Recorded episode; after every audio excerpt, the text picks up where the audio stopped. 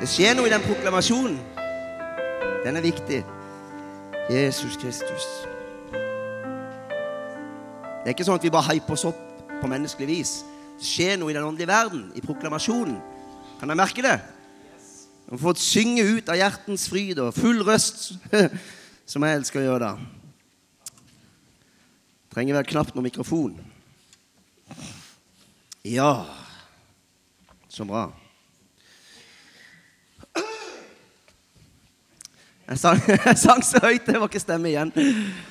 Har dere det godt? Kjære venner og uvenner? Nei da. Kjære venner. Alle sammen er venner. Takk.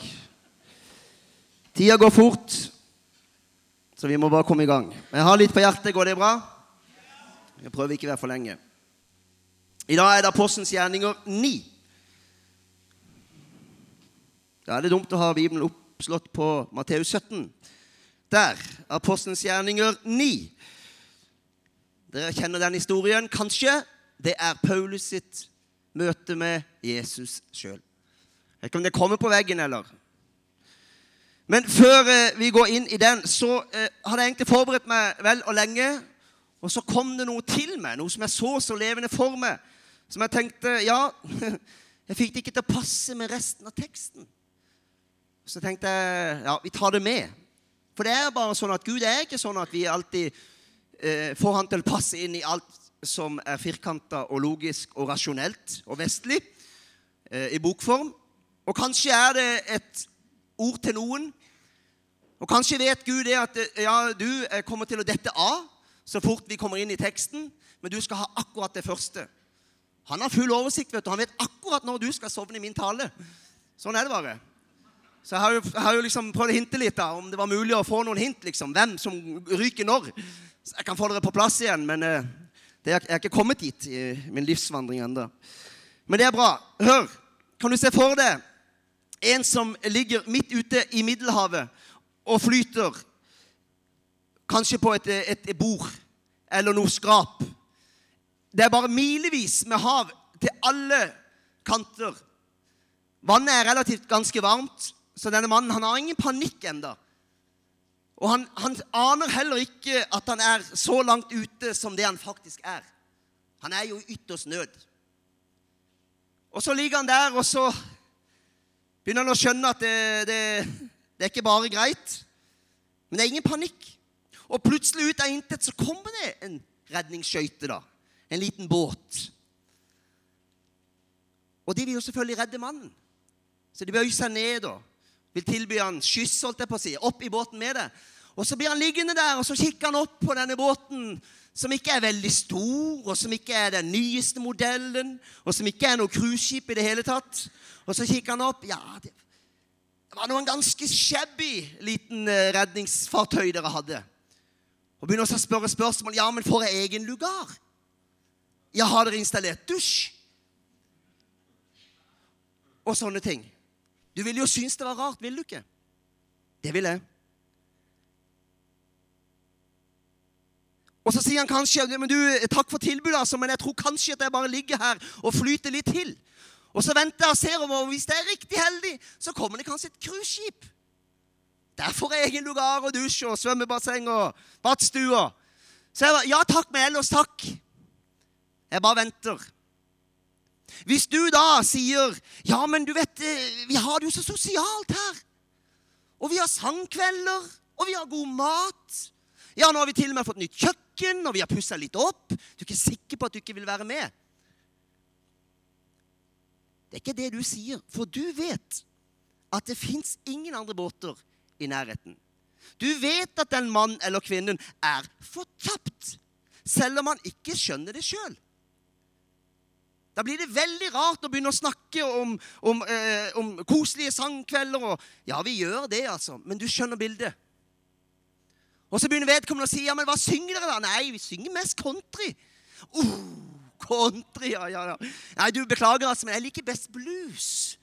Så nå venter jeg og ser om ikke det kommer et cruiseskip forbi, og der er det nok noe blues å få.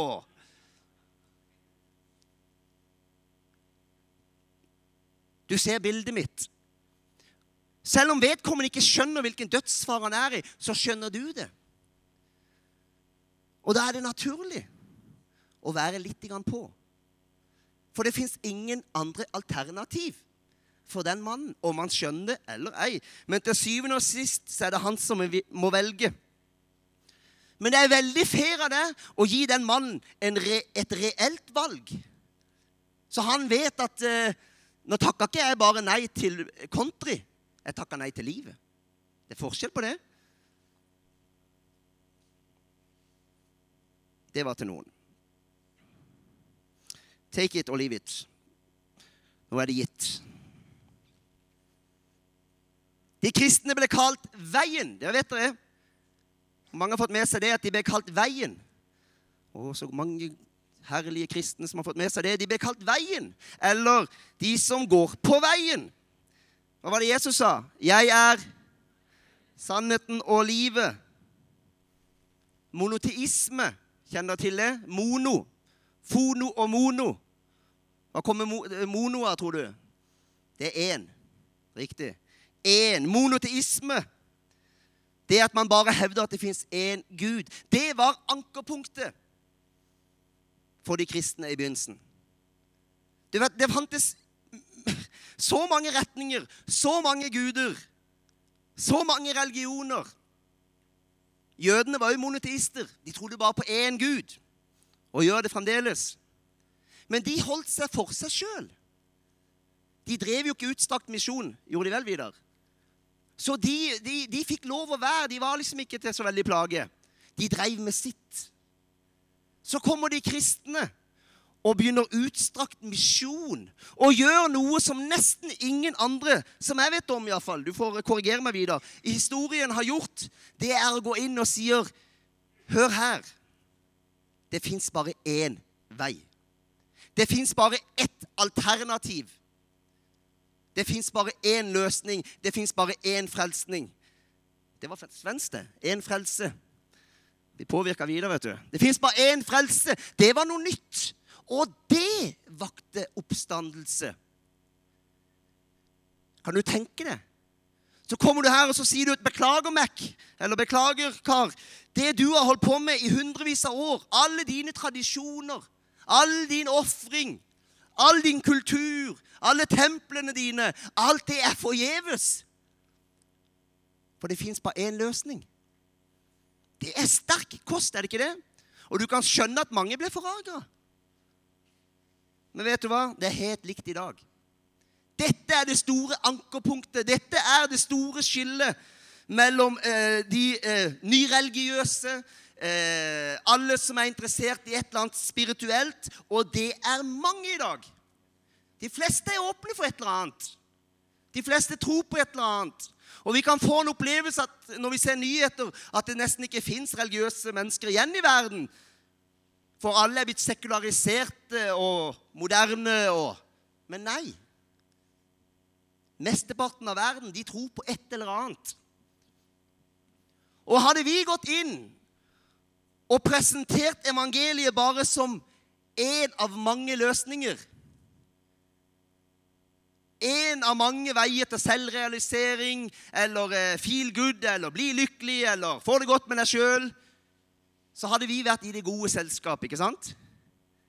Da hadde vi vært akseptert av politikere og av samfunnet. Ingen problem. Men så lenge vi hevder og påstår å ha den eneste sannhet, så vil vi alltid, tror jeg, i alle tider til Jesus kommer igjen, bli uglesett, bli sett ned på, bli kalt eh, eh, intolerante, mørkemenn, lite inkluderende, ekskluderende. Hvorfor det? For vi presenterer ingen alternativer.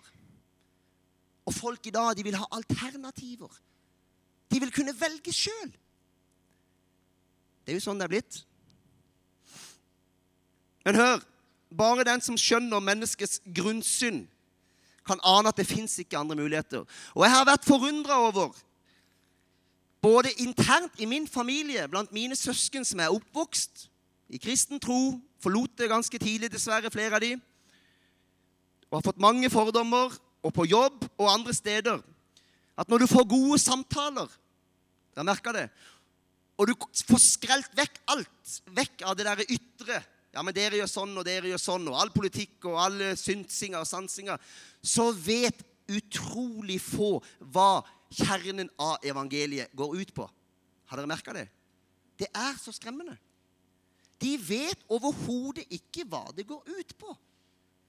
De kan være døpt, og de kan være konfirmert, og de kan ha et kristendom på skolen, og de klarer ikke å få tak i det. Og Jeg hadde en ganske intens samtale med min søster hvor jeg sier til henne du trenger ikke være enig med. Langt derifra. Det velger du sjøl. Jeg kan aldri tvinge deg til noe som helst, men det hadde vært godt for meg og interessant for samtalens skyld om du kunne klare å gripe det innerste av det innerste i mitt hjerte og i evangeliets dybde. Så prøvde vi, da. Med mer eller mindre hell.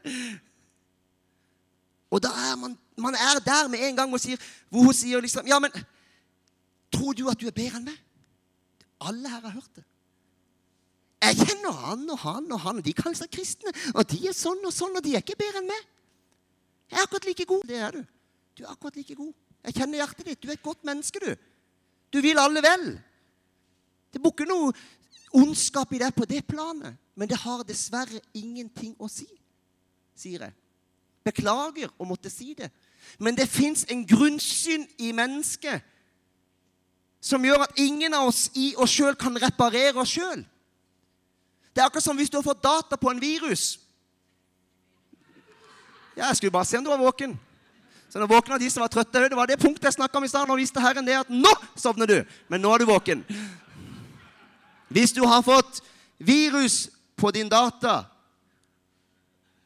som det heter det.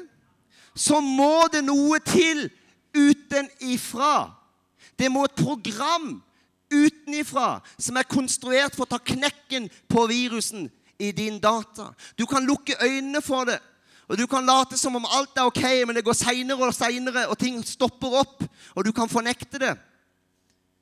Og Den datamaskinen kan stå der, og, og, du kan skrive 100 sider opp og ned på din egen datamaskin. 'Jeg er frisk, jeg er frisk, jeg feiler ingenting.' Den blir aldri bra før det kommer noe utenifra. Og få gjort noe med grunnskaden dypt ned i systemet. Og sånn er det for oss. Du kan være den frommeste munk i verden. La oss si en buddhistisk munk, da. Som aldri har gjort en flue fortred, bokstavelig talt. Aldri spist noe levende. Slår jeg Trykker ikke så mye som på en edderkopp. Har brukt hele sitt liv på å bare tenke positive, gode tanker. Og har kommet langt. Mye lenger enn det og det og det. Og oss alle sammen. På ett plan. I sin egen kraft har de kommet lenger i disse tingene. De har fått sjøldisiplin. De har fått kontroll på tanken sin.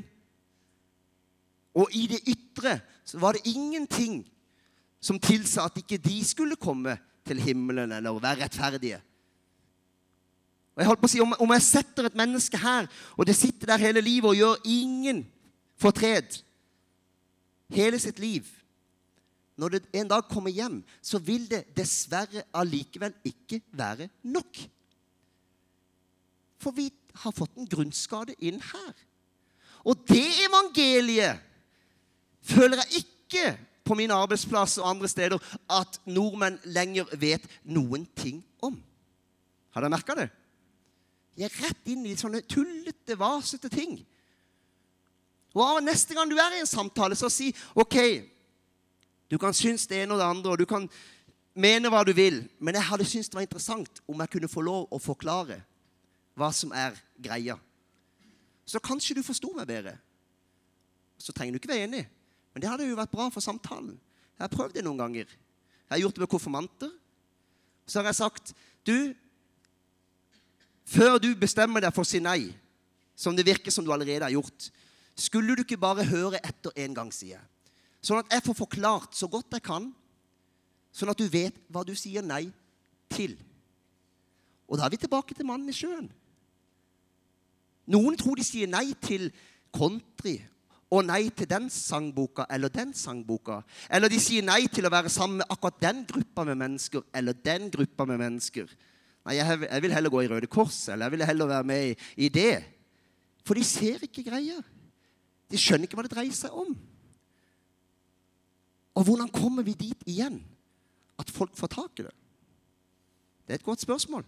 Det er noe å begynne å be og søke Herren for. Hvordan kommer vi dit? Og kanskje er evangeliet om Jesus det at vi tør å ta dette navnet i vår munn. Kanskje er det en nøkkel. Ingen blir støtta å høre om Gud. Men nevner du Jesus, så skjer det noe. Og Jeg har lest eh, flere stykker i kristne aviser hvor kjente predikanter sier 'Hvor blir det av forkynnelsen om Jesus?' For vi taler om alt mulig annet etter hvert. Men vi har fått en blygsel i forhold til Jesus. Har dere kanskje merka det? Kanskje ikke her, men mange steder.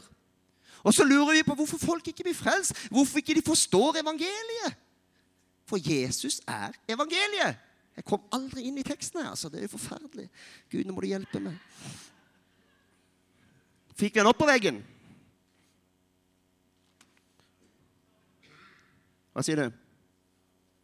Jeg sa aldri verset. Jeg sa Apostelens gjerninger 9, sa jeg. Ok, er du våken? Vi leser litt. Guds ord er viktig. Altså, Paulus er på reise for å arrestere og bringe inn de kristne, de som tilhørte veien, står det. Mens han var på denne reisen og nærmet seg Damaskus, skinte plutselig et lys fra himmelen rundt ham. Da falt han til jorden og hørte en stemme som sa til ham, Saul, Saul, hvorfor forfølger du meg? Det strålte et lys rundt ham. Han fikk et sterkt Jesusmøte. Jeg har aldri fått noe strålende lys rundt meg. Jeg har aldri sett Jesus bokstavelig. Jeg har aldri hørt Guds stemme fysisk. Og det gjør ingen forskjell. Er ikke det herlig? Du må ikke bli deprimert når du hører om andre sine sterke historier, eller leser Bibelen og tenker 'uff, her er jeg egentlig frelst'. Ja, du er frelst. For hva har du gjort? Du har gjort Romerne ti. Med hjertet tror vi så vi blir rettferdige. Med munnen bekjenner vi så vi blir frelst. Det alt skal til. Så bli ikke lei deg. Bare bli inspirert. Saul, Saul, hvorfor forfølger du meg?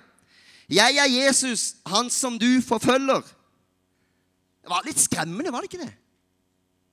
Det var litt av et møte med, med, med Gud sjøl, altså. Med Jesus. Det var liksom ikke 'Min sønn, nå har du vært lenge borte fra meg.' 'Og jeg har sett deg, og jeg lengter etter deg.' Det, jeg gjør ikke narr av noe, for det er flotte budskap å få de. Men det var ikke det han fikk i den situasjonen. Istedenfor fikk han høre 'Saul, Saul, hvorfor forfølger du meg?' Det var noe myndig og noe skremmende over det. Hvem er du, sier han. Jeg er Jesus, han som du forfølger.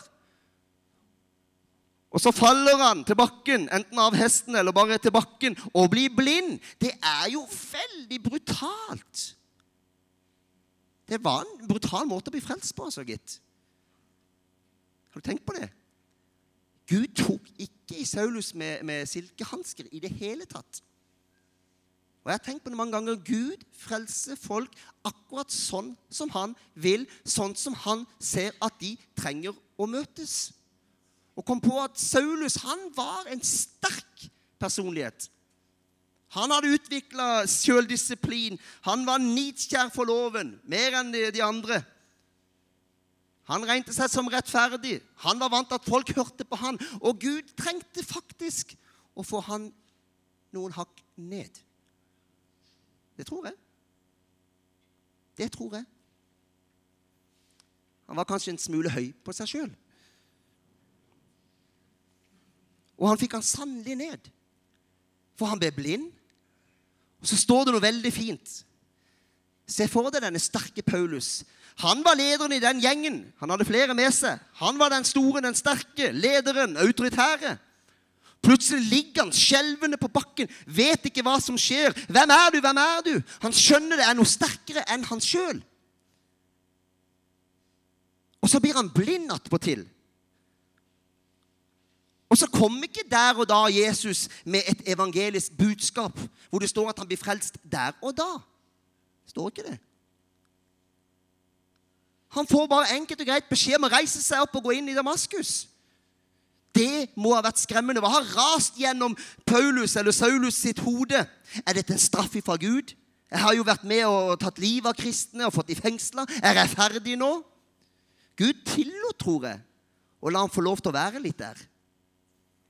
Har du hørt om noe som heter syndenød? Vi lever i tider hvor alt skal Det er liksom feel good. Alt skal føles godt. Alt skal være forlokkende. Alt skal passe meg. Det skal skje sånn som jeg trenger det til. Og hvis Gud gjør ting annerledes, så blir vi forvirra, så blir vi nedbrutte, og så forlater vi han gjerne. Det er sant. Det er sånn tiden er blitt. Men les Bibelen og se hvordan Gud håndterer mennesker. Han vet hva han gjør. Så står det det at de måtte leie han ved hånden. Har du sett den lille setningen? Jeg elsker de små setningene. De måtte leie han ved hånden. Den store, sterke Paulus, lederen over alle, måtte leies. Han var redd, han var skjelven, han var blind. Han tenkte at nå er det over, og han måtte leies av de andre. Han var kommet helt ned. Hva er du når du leies av andre? Da er du et Som regel. Hvis du går sånn, iallfall. Da er du et Da er et barn. Hva var det Paulus måtte bli igjen? Han måtte bli som et barn. Han måtte få skrelt av alt det her som han hadde bygd opp gjennom årevis av egen stolthet, egen styrke. Det ble skrelt av på rekordtid. Stakkar mann, sier jeg bare. Det var hard medfart.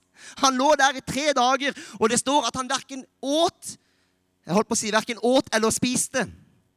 Men det er det samme så du er våken. Han verken åt eller drakk. Har du prøvd å gå tre dager uten å drikke? Det er nesten på grensen, det. Tre dager. Da begynner det å bli farlig. Kan det stå om livet? Han var rett og slett så utkjørt, tror jeg. Blind, forvirra. Og du kan jo bare tenke deg hva Herren hadde av prosesser i hans liv mens han lå der som en holdt på å si en pasient, blind, utafor, klarte ikke spise, så ingenting, klarte ikke å drikke. Jeg tror Herren jobba på det dypeste av det dypeste med Paulus de tre dagene. For det er veldig forunderlig, for det står bare at det går bare noen få dager etter disse tre dagene, så er han rundt i synagogene. Og forkynner hva da? Menighetsplantning, visjoner, strategier. Nei da, han forkynner Jesus, står det. Han forkynner Jesus og ingenting annet. Det går an. Gud kan gripe så sterkt inn i våre liv. Men det kan koste. Det kan koste hardt å bli frelst. Du vet det? Det kan være at når Gud begynner å kalle på det, Den hellige ånd begynner å virke på det, at du går gjennom noen sjelskvaler som er kraftige. Og vi sier jo aldri disse tingene. For vi ønsker jo ikke at folk skal oppleve noe vondt eller noe vanskelig. Iallfall ikke når de skal møte Gud. Men Gud går på dypet. Og hvis ikke vi har noen av de elementene i vår forkynnelse, hva skjer da? Folk blir forvirra, og så tenker de det var jo ikke dette jeg ble lovt. Så detter de av. Det samme skjer når vi, når vi, hvis du er på misjon. Dette har jeg vært veldig opptatt av. Hvis du reiser til India, hvor de har 3000 guder Det er bare å velge hvilken som helst som passer deg. Hvis jeg kommer og forkynner Jesus som mirakelmann og som alt mulig, ja, hvem vil ikke det? Hvem vil ikke bli helbreda? Hvem vil ikke få en blessing? Alle vil det. Derfor må jeg alltid si han er ikke bare ett alternativ blant 3000. Han er det eneste. Da kan du være sikker på da er den, da er den gjengen skumpa kraftig inn, altså. det har han. Men da vet jeg iallfall at de som kommer frem, de vet hva de gjør. Og vel, en ganske høy prosent av de blir stående ved. Og Derfor må vi bare se hva var det Paulus fikk høre gjennom Vi bare tar en fort versjon her. Gjennom godeste Ananias, var det ikke det han heter? Hva var det Ananias sa til han? Kan dere huske det? Jeg skal bare finne det her.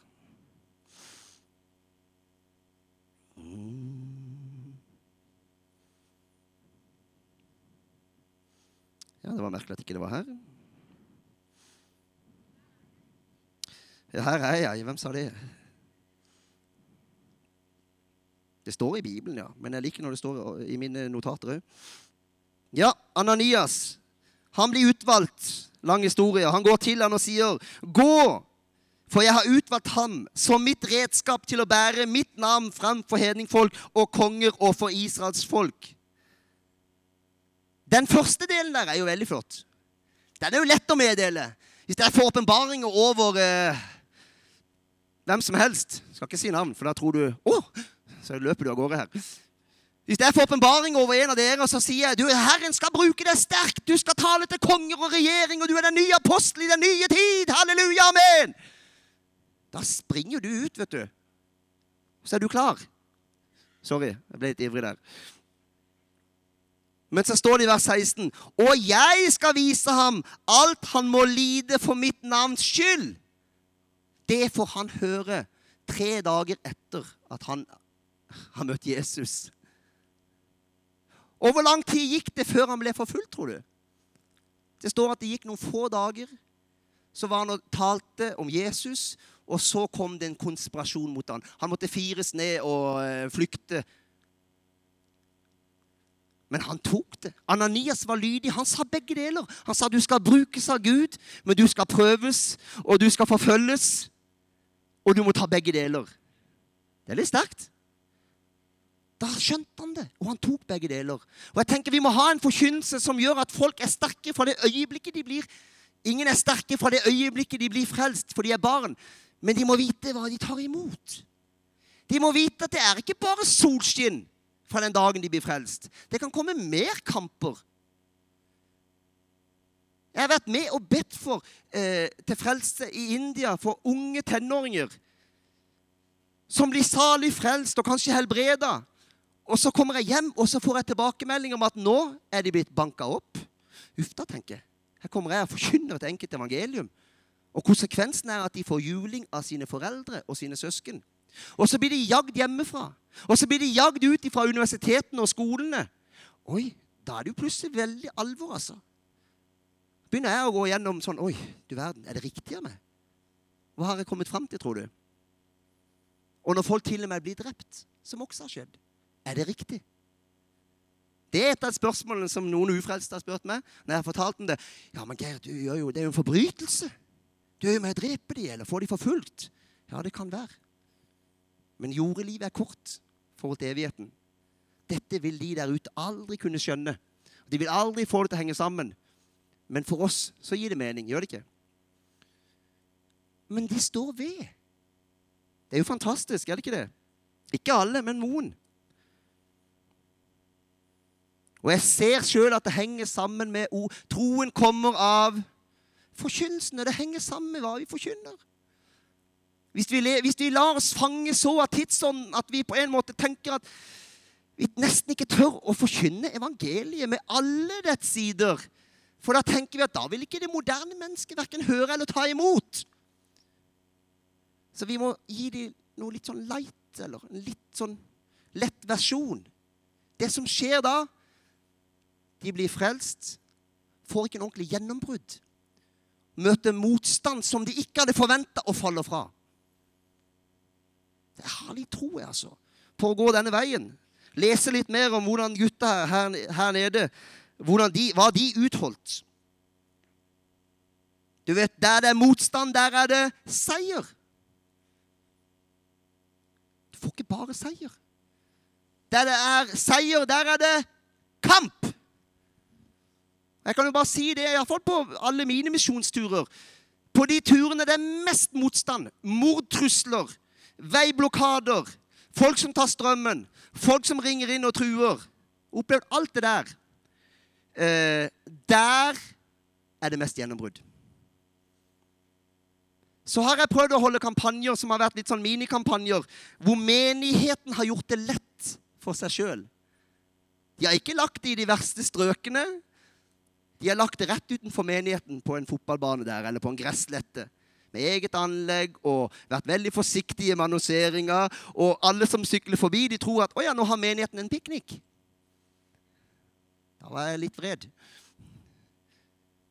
Det ikke det skjedde mye mindre. Det ble langt færre mennesker frelst og helbreda. Gud gjensvarer tro. Men jeg vet òg at når vi kjører på, så kan følgene bli ganske tøffe for de der nede. Jeg er veldig klar over det, og jeg vet at det er lett å reise derifra og komme hjem og drikke her på kirkekaffe. Men det er verdt det. Og av en eller annen grunn så virker det som de, de har en annen støpning, mange av de. Det er merkelig. Jeg skal ikke glorifisere dem, for mange har også falt fra. Det skal dere vite. Ja vel, Miriam, føler du at det er nærme en slutt? Sa du ja? Føler du jeg har sagt det jeg skal si nå? Du som har åndelige antenner.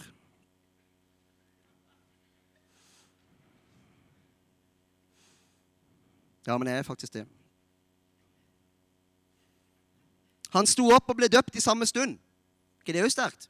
Det var verken noe prøvetid, det var ikke dåpsundervisning. Dåpen er ikke noe vi må forstå i hjel. Det er en lydighetshandling. Tungetalen er ikke noe vi må forstå i hjel. Det er en lydighetshandling. Det er en troshandling. Det samme er hele Bibelen. Men vi lever i Vesten og er blitt så innpoda med det vestlige skolesystem. Alt skal forstås før det kan handles på. Så ser vi rundt omkring i verden hvor folk ikke har skolegang og gjør utrolige ting for Gud. For de har ingen forståelse av at det ikke skulle være mulig. Det har jo vi lært. Ja, Men det går ikke an. Det sier vitenskapen. Det sier sånn. Sånn må det gjøres. Og så begrenser vi Gud. Gikk det alle veier, det her? Så fint. Amen.